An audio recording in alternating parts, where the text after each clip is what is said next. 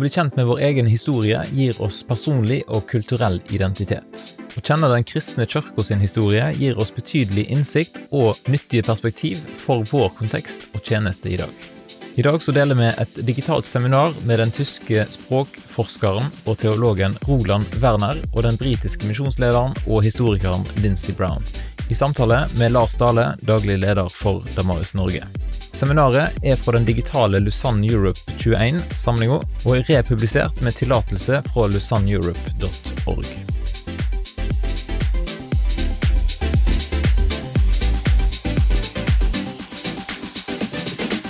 A warm welcome to this teaching seminar, uh, where I'm privileged to be joined by two good Lausanne friends here, uh, Roland Werner from Marburg, Germany, and Lindsay Brown from Wales. Welcome, both of you. Welcome, Roland. Thank you. Hello. And Lindsay. Thank you. It's good to be with you. And uh, the topic for this teaching seminar is lessons from church history or how the gospel has impacted the Christian worldview, has impacted the history of Europe. And of course, that's a huge topic. And we are now, you know, in between the first evening and the last morning. And on the first evening, uh, you presented Roland a, a, sort of a 10 minute overview of, of uh, especially focusing on the early church. And we're looking forward to hearing, uh, listening to you, Lindsay, on, on uh, the lessons from history, especially focusing uh, on, on the Reformation and on the post Reformation times on Saturday. So uh, this is in between a more of a, a at liberty conversation between the three of us. So let's start with something more personal about history. Roland, why did you become interested in history? Well, as uh, a young boy growing up in Germany, uh, I was surrounded by history and especially the uh, after effects of the Second World War. I grew up in Duisburg, which was heavily bombed, uh, and about 90% of the city were actually destroyed. So uh, we used to play in the 50s and 60s amongst the rubbles and and uh, the ruins of the neighboring uh, plots. We, I mean, there was many houses being built, and so my parents built a house, but still we were uh, surrounded by that, and so we used to hear about those those times uh, of the war, and and so history in that say very specific sense of the negative history, of course of, of the Second World War and uh, that which caused it, and you know the German um, part, uh, the the guilt that we had as Germans in that, and the Nazi regime, which was a terrible regime, not only for the world but also for the German population. All that was very very much present. And then in school, I was taught, I think, the history of the Roman Empire three times because we had Latin from fifth grade on, and we had Roman history. And I think just by hearing it three times, I forget everything. Nowadays, when I read it, I, I, I feel like I should know this. I've I had this in school. But then I, I think I, I, always realized that, that history uh, holds a lot of the keys to the present. Maybe not the only key, but it's it's a very important key to understanding where we are today and what we can learn for the future. And uh, before going passing on on uh, the baton to Lindsay here about hearing your background. Roland, you you also focused on a specific geographical area later on. Uh, can you tell us something about uh, where that is and, and why you became interested in that? Yes, well, as a as a young student, I realized that uh, there are parts of the world that have been saturated with the Gospels, uh, and the other parts that don't, where there's very few workers and I met some missionaries who worked in what was later called the 1040 windows, or windows, sorry, which is um, like the area where a lot of the people are Muslim in uh, at least nominally in their religion, and the Christian workers amongst them were few. So, in my own prayer, I said, Lord, if you want to send me to those areas, I'm willing. You can always keep me here. It's easier to keep me, but it's uh, maybe it's a bit harder to move somebody. So I want to move forward. And uh, that brought me eventually to Egypt and to the Sudan and to other parts of uh, uh, North Africa. And that's where I started um, not only uh, working uh, and, and trying to share the Bible, but also uh, to study the history of those areas, especially the Nile Valley. Well, the Nile Valley. We'll come back to that uh, later on, Roland. But what about you, Lindsay? Uh, where did your interest in, in, in history, where was that kindled? Uh, it probably started in uh, high school.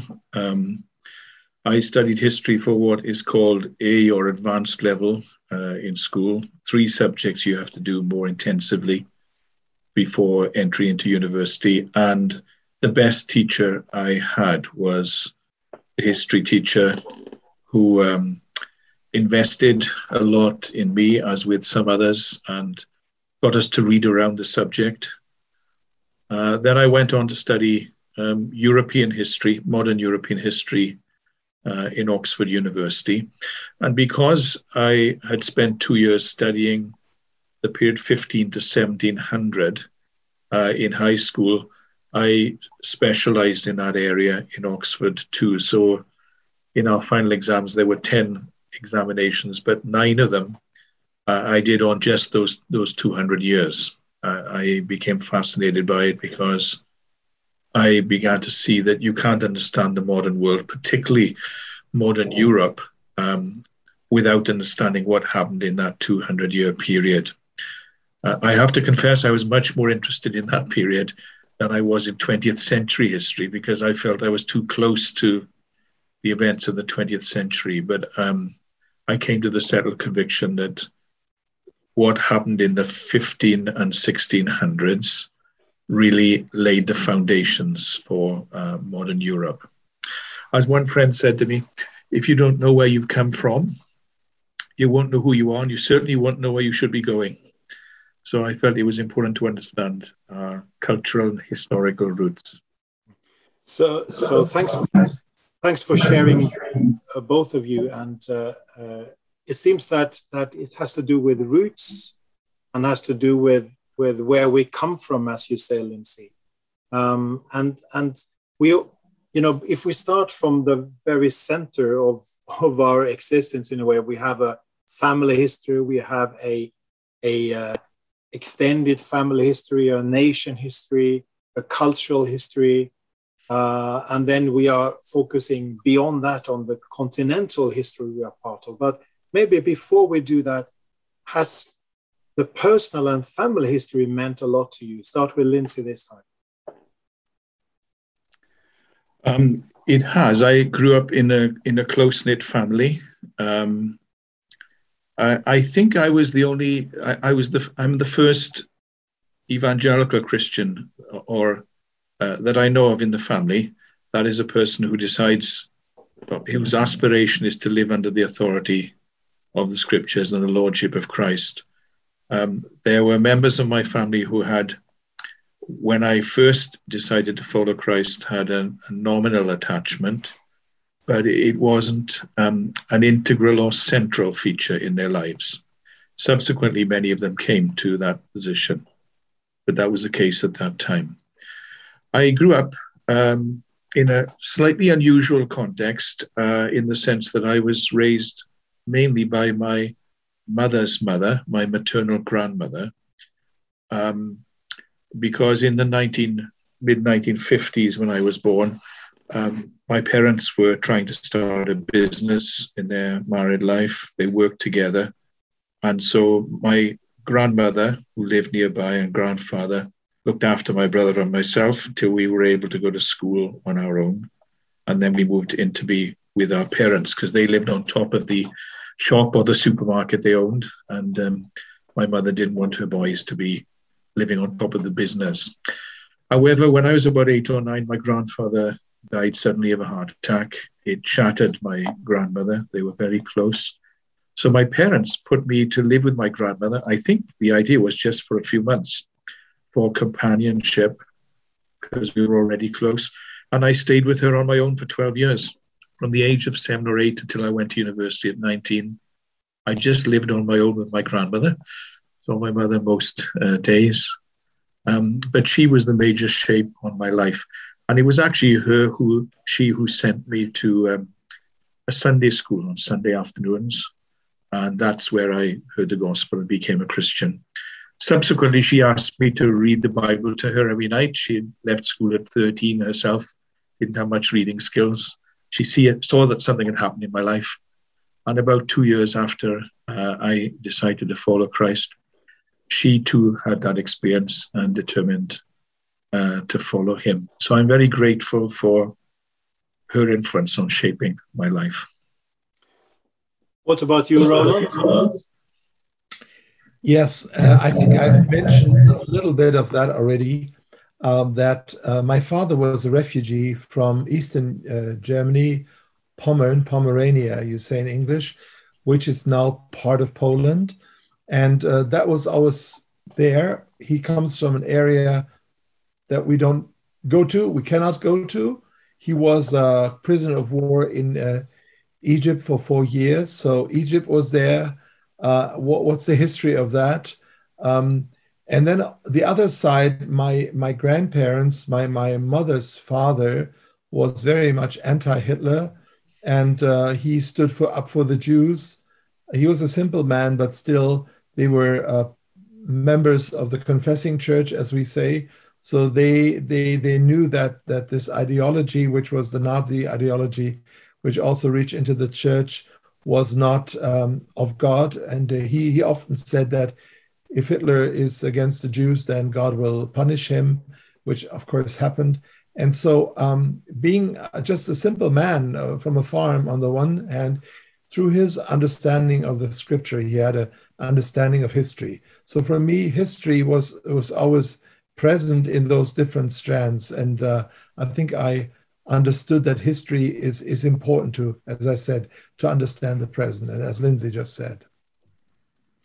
And both of you come from context where you know evangelical revivals have been very decisive. I'm thinking of Wales now, Lindsay, the influence of the important Welsh revival in the early 20th century. Could you see a few words about that? Uh, yes, I mean, I was privileged both as a student and before I went to university in meeting many leading uh, Christian preachers and thinkers. And Martyn Lloyd-Jones was an example, who was the first chairman of the International Fellowship of Evangelical Students, for whom I work.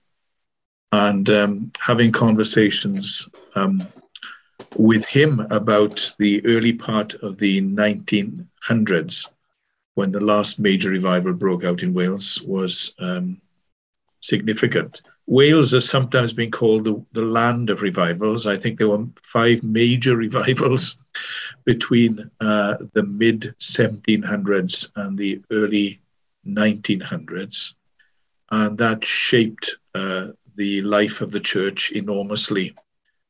Um, I've written about this in one of my books because there was a downside to it, what, what it highlighted was the power of the gospel to transform lives.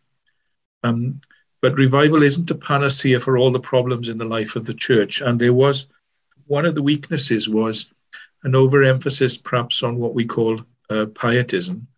One of the hallmarks of pietism is a deep devotion to the person of Jesus.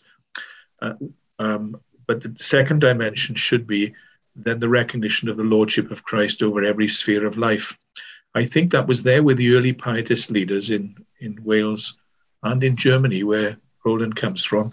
But I think later pietistic leaders, while retaining that focus on a personal devotion to Christ, um, maybe their efforts to apply the lordship of Christ to every sphere of life were somewhat weaker.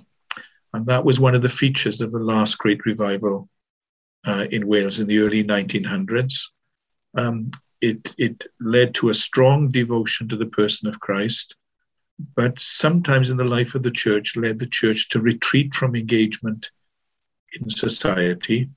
And it wasn't very robust theologically either. So when the liberal when liberal views of the Christian faith and uh, the Bible came into the life of the church, um, there wasn't enough resilience amongst the leaders to publicly rebut or stand against some of those liberal interpretations.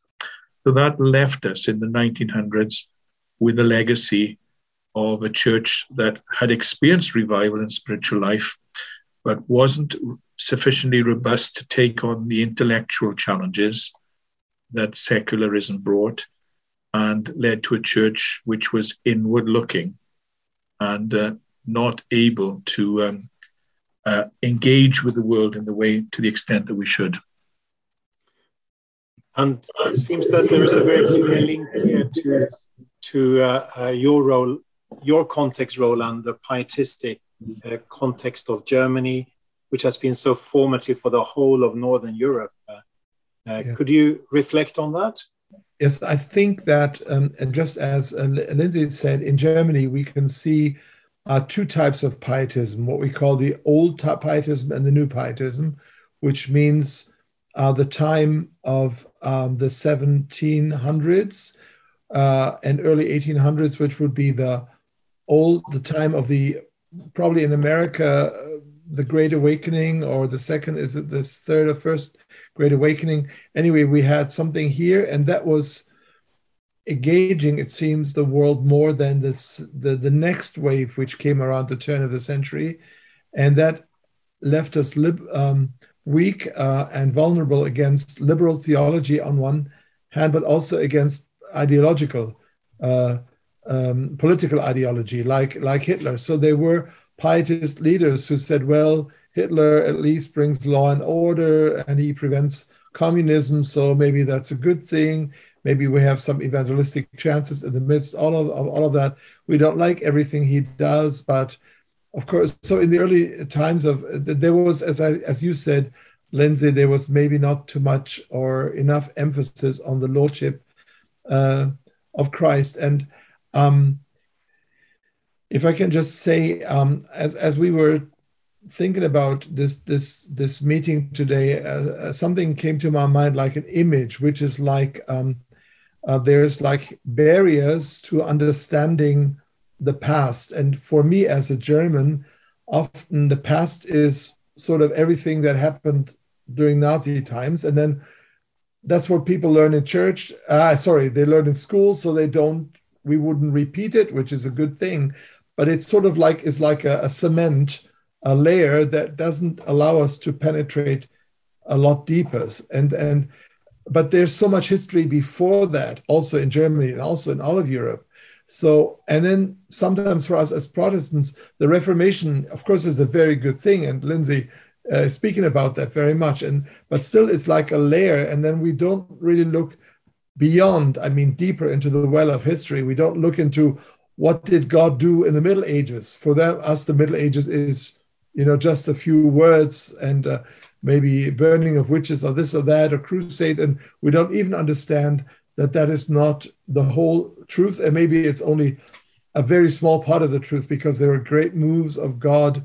Uh, there at that time. So um, we need to break through those barriers to really dig deep into into history and uh, then to um, to see what were the riches of what God did in earlier times, where we can draw lessons and we can maybe even draw the life uh, uh, from from those those earlier moves of God thanks a lot for highlighting that picture. I think it's a it's an important, uh, a powerful image there, Roland. And we need to go beyond the blockage, beyond the, the that which hinders our view. So you mentioned the Middle Ages, Roland, and if we look back towards the Middle Ages, it seems like it's both an area where there were times of of, of uh, not having a clear view of the gospel. At the same time, there is a rich cultural and spiritual heritage. Would you like to, to, to, to comment on that? Yes, um, of course, the church in the West suffered greatly by a decision uh, of the Roman central authority that only the Latin Vulgate uh, Bible would be uh, allowed. And then, as uh, for example, the Italian language, which, co- which comes out of Latin, or French, which originates in Latin, or Spanish or Portu- Portuguese, developed further and further in their vernaculars, but they were not written people heard the Bible in church written in uh, read in Latin, but they wouldn't really understand that. So there was a gap.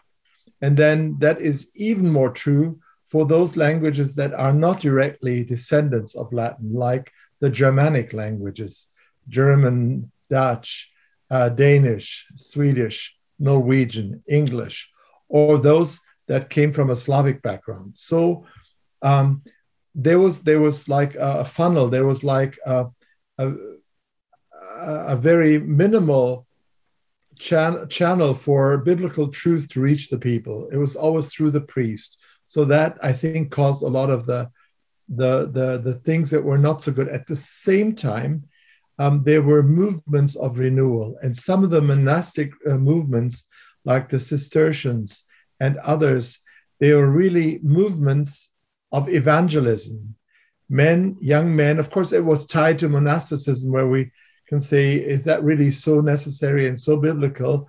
Uh, you can you can find some grounding for that uh, to be celibate for the kingdom of God, but maybe not as a whole system. But anyway, many of those people uh, who then went uh, beyond their limits, they went into the German forest, they went into uh, uncharted un, un, uh, territory. They did so because uh, of a love for Christ and for the people that they wanted to preach to. So that's one of the movements which still kept in the church, but the others are uh, like um, the, the movement we have around Petrus Valdes in, the, in, in southern France and northern Italy. The Vaudois, as they say in French, the Val, Val, Val, Waldensians, um, who translated the Bible into uh, uh, at least parts of the New Testament into the local language, or Wycliffe and the Lollards, as they were called mockingly in England. Uh, and but there's also in Holland there was the brother, the Brethren of Common Life, uh, Thomas à Kempis. So sometimes I think if we dig a little bit deeper, we can find also those um, streams of uh, renewal within in the Middle Ages, and still the culture as a whole was at least God fearing. And I mean, they built the cathedrals for the glory of God, of course, also for the glory of the king or that certain uh, city that, that built it. But there was always this thought of we do this also for the glory of God. So maybe maybe the, the Middle Ages wasn't quite as dark as as as as we we see it, but of course biblical knowledge and therefore biblical ethics were limited due to this language problem which I spoke about. And when you talk about language problems, Roland, you also talk as a linguist here. So, so uh, and just to, to get everyone on board on that. And I was just thinking also about the cultural heritage uh, to just reflect further what you shared. You mentioned, Lindsay, about the Oxford that you went to, the Oxford University, of course, with strong Christian cultural roots. And, and we could think about hospitals, hospices, and, and you know, the growth of, of, of a wide social engagement, community engagement. Um, at the same time, of course, there was a certain breakthrough in terms of rediscovering of the gospel uh, in the Reformation. We'll come back to that in a minute. But before that, uh, if we fast forward or fast rewind, uh, Lindsay, historically here, and go back to the early church, uh, which uh, Roland touched on, on, on in the first evening, and, and uh, you will also touch briefly on in your presentation on, on, on the final morning. But briefly, what do you think was the heart of the growth of of, of the gospel and of the church during that seminal period? Well, I think Roland has this, highlighted this beautifully uh, in his presentation on the first evening. So I, I hope that the people listening in to this uh, talk actually uh, are able to go back to and listen to that. But he quoted, as I did, uh, one of the great German uh, theologians, Adolf Harnack, who, when asked uh, how do you account for the growth of the church from the time of the end of the New Testament until Constantine in the early 300s? That's a period of 270 years. And he said very simply, the early church grew because they outlived and they out argued the pagans. Um, so I think there are those two dimensions. There are other factors which contributed to the growth of the early church. but I, I think it's salutary for us today to understand that um, there were very few church buildings. In fact, I was in Philippi last week, and the guy taking us around, I asked her, was, was there any evidence of any church buildings before Constantine? And she said, well, first buildings really only came about in this area after the Edict of Milan, 313. Before then, um, uh, when you talk of churches, it was people meeting in homes. So they established attractive living Christian communities based in people's homes. And you can see evidence of that in the Acts of the Apostles when it talks about the church meeting in the home of uh, Phoebe uh, or Justice, uh, uh Justin, and so on, uh, Peter. Um, so I think there were two factors then that contributed to the growth of the church from there.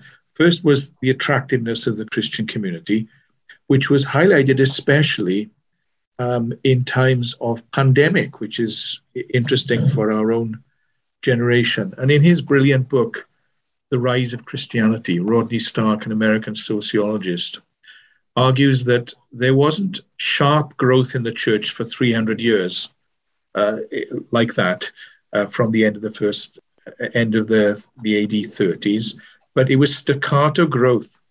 Uh, there were periods of persecution, but there were two periods of acute and sharp growth. And they were around 150 AD and 250 to 265 AD, which approximate almost exactly with the arrival of great pandemics in Europe. One of them, as I mentioned, lasting for 15 years. We're not sure exactly what the pandemics were. Some historians think one of them was the first impact of measles. But particularly in the second uh, pandemic, around about 250 to 265, um, uh, historians argue that as much as a third to a, qu- a, quarter to a third of populations in cities in the Roman Empire, particularly in the Mediterranean area, uh, died as a result of this pandemic, much more severe than our own. And as a result, uh, in the midst of all of that, uh, there wasn't an obvious cure.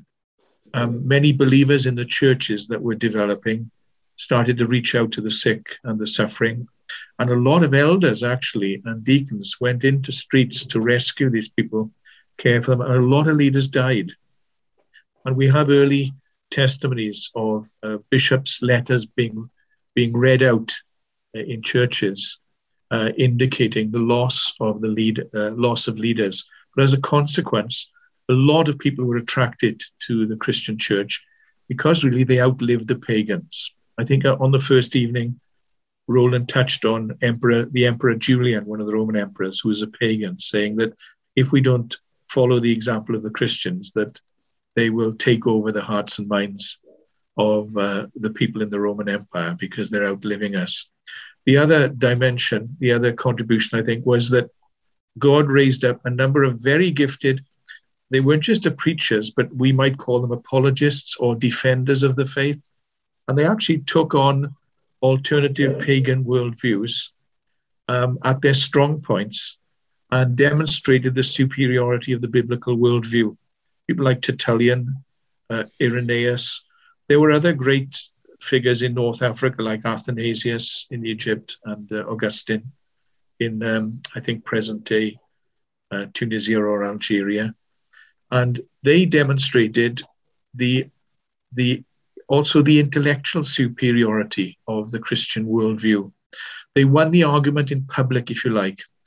And I, I think, therefore, as we look back to the, the early church, in addition to the various things that Roland beautifully touched on, I think those two factors are salutary for us, for, for our generation, i.e., we need to build attractive alternative communities in a world where people are looking at, and are hungry for community and are feeling a sense of loneliness, particularly in the midst of the pandemic. And also, we need to engage much more in publicly defending and articulating uh, Christian truth and the Christian worldview in the public sphere, in the universities, television, radio, uh, newspapers more than we have. Unfortunately, in the last 150 years, we tended to retreat from that public sphere. That was a that was a bad mistake. If we really believe the gospel is true and is defensible, we need to engage publicly with alternative worldviews, showing what the gospel has to offer. I think those two key elements were there in the early church in the first 300 years. And I'm sure Roland has others that he could comment on. So the outliving and the out arguing uh, are, are at the heart of things here. Roland, would you like to, to add anything on this? Yes. Um, we're speaking about Europe, and that's why we're concentrating on the Roman Empire, the Mediterranean. We're concentrating on the time uh, till Constantine, but there's also a history that is not so much uh, known to us, which is the spread of the gospel into the East. And um, I just want to mention that just so that people who want to uh, uh research into that, beyond the borders of the Roman Empire um, in uh, what is nowadays Iraq, uh, Iran, even uh, Pakistan, even India, even Afghanistan, um, even uh, Arabia, uh, Saudi Arabia, Yemen, Oman, those areas, they were also touched by the gospel, and as were Egypt was in the Roman Empire, but Nubia, North Africa, um, Ethiopia. And we know in due time, in the 700s and 800s, uh, the what we call the Nestorians, but that is sort of like a bad name. We can call them the Christians of the East, the, the Syriac Christians of the East. They reached even the uh, imperial uh, court of China with the gospel message. Now, all of this we don't really know about because we're so Eurocentric. And uh, so the Bible was translated in the West uh, in, into Latin from, from, from Greek. Uh, you know, the New Testament having been written in Greek, and of course, the Septuagint, which is the Greek translation of the Hebrew scriptures, was also the major, a major uh, a book for the church. Uh, those two books together in Greek were then translated into Latin in the West, but also into Syriac in the East. And the Syriac language served as the medium of co- communication uh, even down to India. So that what what we see in the West, which we know a bit more about or much more about, was mirrored by a somewhat hidden history east of the Roman Empire. Empire, and that's something I think further generations need to look into, uh, which also helps us to understand that uh, Christianity is not a Western religion, has never been. It reached Africa before it reached uh, Germany. Uh, the Nubians were converted before uh, the English, and so forth. I mean, there's uh, uh, Ethiopia had a church uh, long before your country, uh, Sweden or, or Norway, Lars. So, so there's this history that we need to learn also. But um, uh, this out arguing, which I, I, agree very much uh, with, uh, which I actually learned from from from Lindsay and I used in the first night.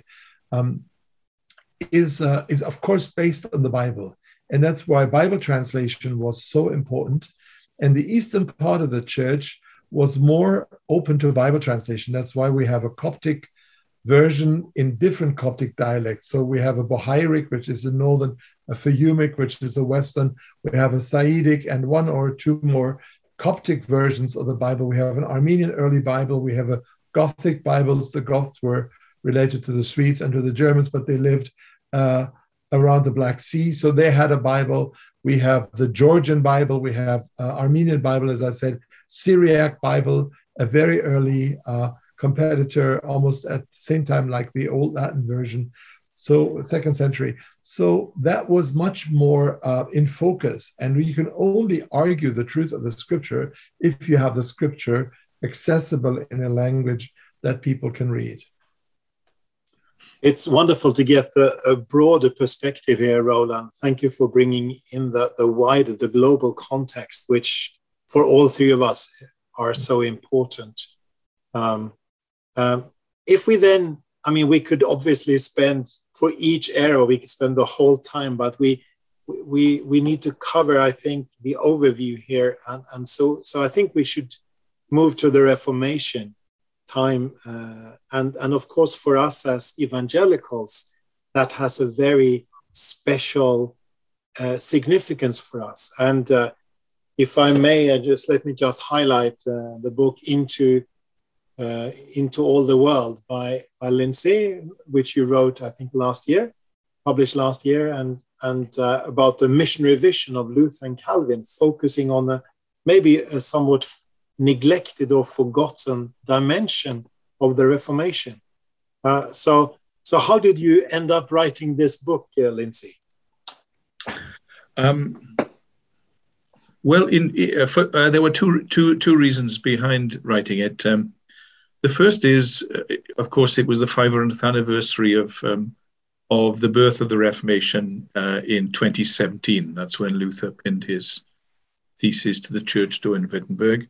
Uh, it was also um, just a couple of years later the 500th anniversary of of um, um, of, of, a few years earlier Calvin's birth, and so I was asked to uh, give some presentations on uh, Calvin's legacy in one conference, and then on on Luther's legacy in another. And um, as I was researching uh, recent commentators, I realized that most evangelicals have tended to focus, understandably, primarily on their legacy in terms of recovering the essence of the Christian gospel, revolving around key Christian truths like justification by grace through faith, priesthood of all believers, um, and the trustworthiness of Scripture. Uh, incidentally, on the issue of justification by grace through faith, um, the great Welsh preacher Lloyd Jones said that that was rediscovered in virtually every revival. Um, and he, he argued it was the, as Luther said, it was the article of a standing or a falling church. So it's understandable that historians have tended to focus on the doctrinal rediscoveries. As Roland says, there were people who, um, who remained faithful to some of these teachings uh, in previous generations through the Middle Ages but it, it came to full fruition, if you like, under Luther's um, teaching and that of his successors. Um, but what uh, frustrated me is that many historians have argued almost exclusively on the doctrinal issues, whereas I felt that there were two other areas that both Luther and Calvin contributed, which, which had lessons for us that, that we should rejoice in, but also which had implications for us in the 21st century. And they were um, their attempts, uh, I'm not sure if it was deliberate at first, but because they believed in the application of biblical truth to every sphere of life, it, it really led to uh, the, the reforming of European culture. Uh, the modern age, and so much which is good in the modern age, like scientific discovery, the spread of education, um, religious toleration, even liberal democracy, um, and so much else, had its roots in both Luther and Calvin's uh, teaching. One of the weaknesses of contemporary evangelicals in the West is that we tend to focus only on a few issues which we argue define us as evangelicals, things like our attitudes to abortion or capital punishment and so on. That's quite different from Luther and Calvin, who sought to apply the scriptures to every sphere of life, including the visual arts, science, university education, and so on. Luther was instrumental in, in the formation of many universities all across uh, the Germanic speaking peoples. And uh, by the time he died, uh, young women were, as, were being as well educated as young boys, uh, which, which really came from some of Luther's teaching. Uh, it's quite striking to see how many univer- he persuaded princes start lots of universities as a result of his ministry. The other element, I think, which has been largely neglected by even by many evangelical historians, is the missionary vision of Calvin, particularly, but also uh, also Luther's influence beyond the German-speaking uh, peoples. And I think the last 30 years has seen the growth of a number of evangelical historians, both in Asia, Europe, Africa, uh, and North America, um, who have begun to see, as they've reread the commentaries by these folks, especially uh, Calvin their, their passionate missionary vision. Of course, by and large, they, Europe was their world. The rest of the world was opening up with the voyages of discovery. But for them, reaching Europe was, uh, in a way, like obeying the Great Commission to take the gospel into all the world. It was a, it was more strongly there in Calvin's theology, I think. Um, some people have argued that Luther is it, it was a nationalist. I don't know how accurate that is, but the thing that you learn from Luther is you can't keep truth to one people. And what is striking in the research I did was how many people studied under him in Wittenberg in Germany, and they went on to become the first bishops of the newly formed um, Lutheran Church in the Nordic countries where you come from uh, Denmark, Sweden, Finland. And what stunned me was that, uh, I hope you don't mind me just ex- this a little bit. Uh, as Roland mentioned, he came, his family came from Eastern Germany. In 1985, I visited the DDR, as it was called, East Germany, with a Norwegian friend, Arnfinn Skårheim. It was the, the 500th anniversary of Luther's birth. And we went to the church where he penned the theses uh, in Wittenberg. And I think the communist government had supported the request of the Lutheran World Federation to put some stained glass windows in the church in Wittenberg of 12 reformers who were influenced by Luther and to a lesser extent Calvin in taking the gospel around Europe.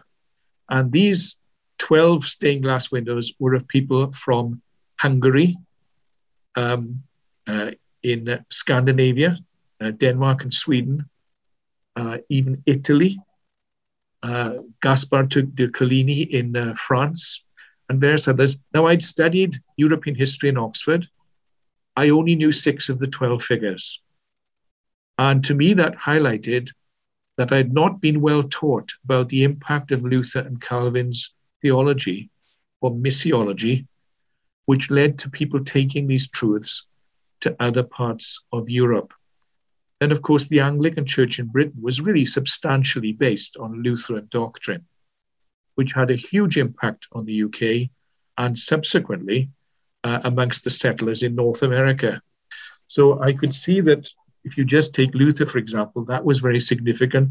In Calvin, um, uh, the historian in Cambridge, Geoffrey Elton, said that many people in the 1550s went as uh, because they were persecuted to Geneva when Calvin was there.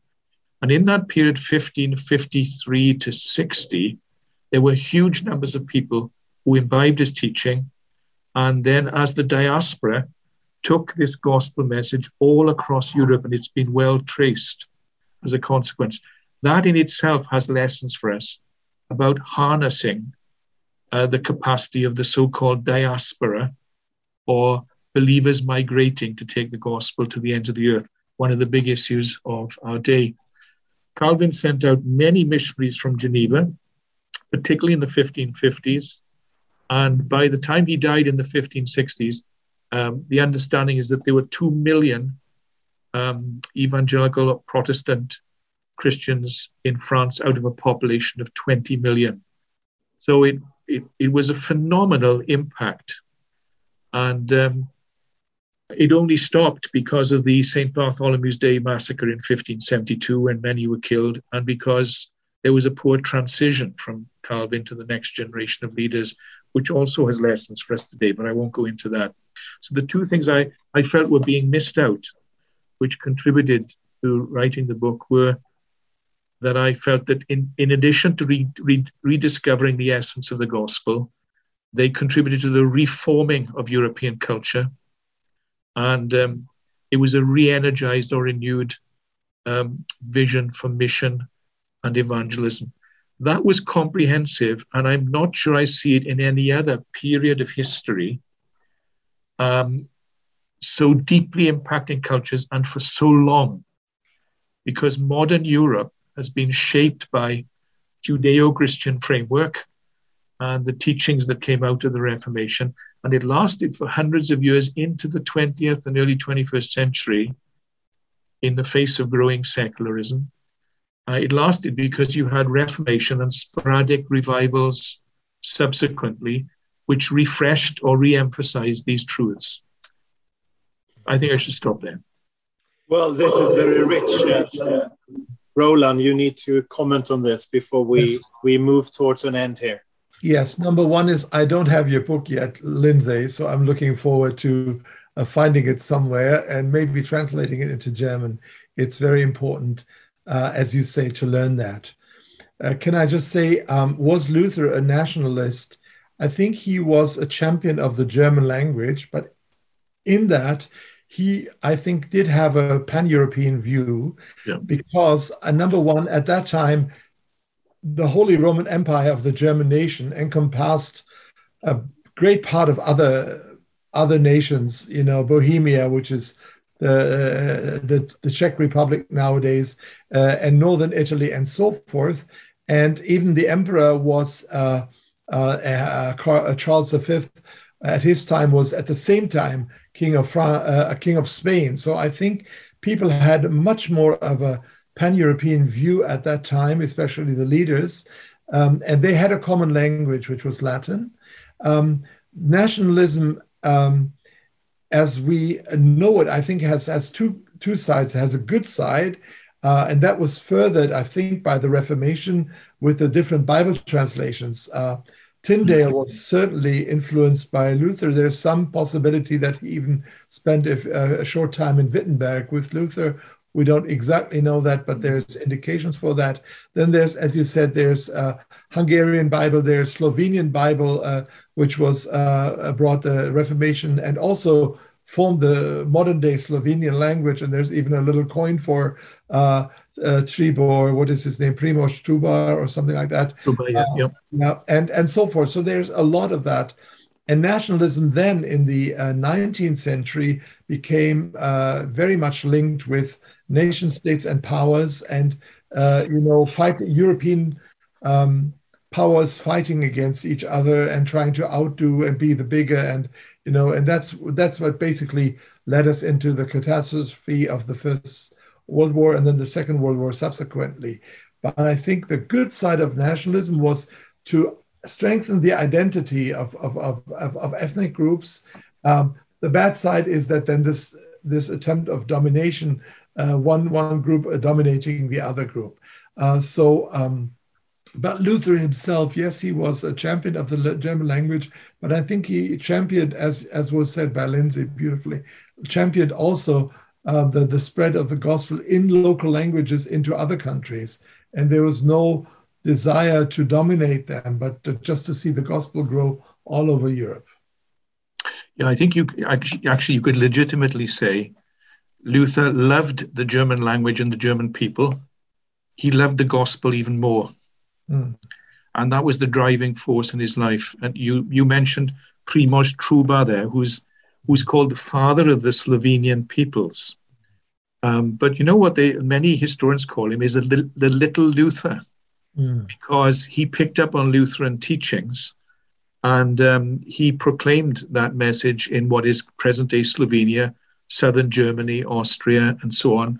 There were many others like this, including some of those bishops I mentioned in the Nordic or Scandinavian countries, who would, and the Anglicans in Britain, who were really deeply shaped by uh, Luther, to an extent that both the gospel advanced in Europe and also the European nations and cultures were deeply enriched by these two giants that God raised up. Mm. Um, in the 15 and 1600s, uh, Luther and Calvin. Yes, in terms of of Scandinavia, we could have mentioned uh, the brothers Petri, Olaus and Laurentius Petri, for example, in Sweden. But it's not time for that, I'm afraid. And uh, what we did, you know, what we will remember, uh, Lindsay and I, is watching Roland playing, acting, Martin Luther in Wittenberg. That's an unforgettable experience, uh, Roland. So our, our viewers and listeners here will will not many of them will not have had that that privilege. But it was it's, it's showing the richness of the story, of the history, and of, of his biography, and you know rediscovering of the gospel, the rekindling of the missionary vision, and and the the renewing and the reformation of the culture as well as you pointed out, Lindsay.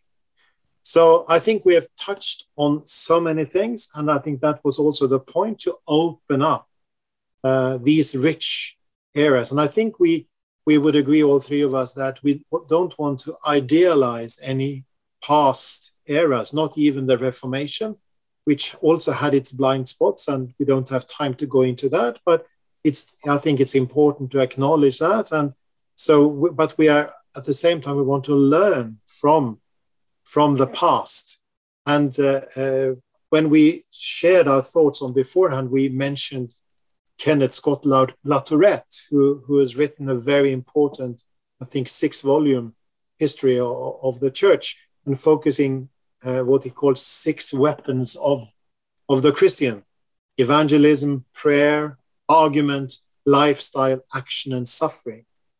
That's a very rich list. It's not an, an, uh, an exhaustive list, but it's a very decisive list in terms of we could have, you know, one can explore the whole of history from each of those six perspectives and see how God has raised up individuals, uh, raised up uh, uh, communities, which we have t- touched on here, raised up movements, revivals, reformations. And it's, of course, our prayer that today God will raise up and renew uh, through the combination of the public proclamation, the public defense, and the integral life of the witnesses. Uh, and um, we, we just uh, would like to, to end there, but maybe a few words from, from, from um, each one of you. Uh, is there one thing you would like to highlight just in, in, in a few sentences? Uh, Roland first. We can trust that God was at work uh, in all periods of history, and um, it is our um, calling, our obligation, our passion, our joy uh, to to to discover where God is at work. And uh, if there's one lesson we can learn is that God is always a God of new starts. So even those areas of Europe or the world where the gospel is weak at the moment, uh, we can just pray and we can also expect that God will do something new. And that's what we should work for and pray for and trust for. Thank you for that, Roland. And Lindsay, finally, briefly. Well, I think what Roland said is wonderful. I don't think I can improve on that, except to say that in both those major periods we looked at, the early church, post New Testament, and the Reformation, I, I, I think you see these two common factors. That is, Christians who lived distinctive and godly lives and formed attractive communities of which John Stott said the calling to the church is to remain morally distinct but not socially segregated. And we often confuse the two. That the godly living, the distinctive communities engaged in the culture, rubbing shoulders with people as Jesus did. And secondly, the vigorous and passionate, convicting public communication of the gospel was a hallmark of the um, the early church fathers and the reformers. And I think to see uh, a transformation in the European context, we need to focus on many things, but especially those two, because they seem to be common factors in the growth and the expansion of God's church. The articulate public proclamation of the gospel and its defense, and attractive communities of God's people who engage in a transformative way in the culture in which God has placed them. And uh, I think we should pray that God helps our generation to apply those two lessons from the early church and the Reformation era. Thanks a lot, both of you, for for this uh, rich conversation where we have touched on so many important things. And we will there will be a few minutes uh, uh, left when this will be uh, um, broadcast uh, during the the, the gathering. So there will be some opportunities of engaging afterwards. But thank you very much and uh, every blessing for your ministries in exactly the areas that you highlighted there, Lindsay. Thanks also, Roland. Thanks, Lars. Thanks, Lindsay. Thank you both.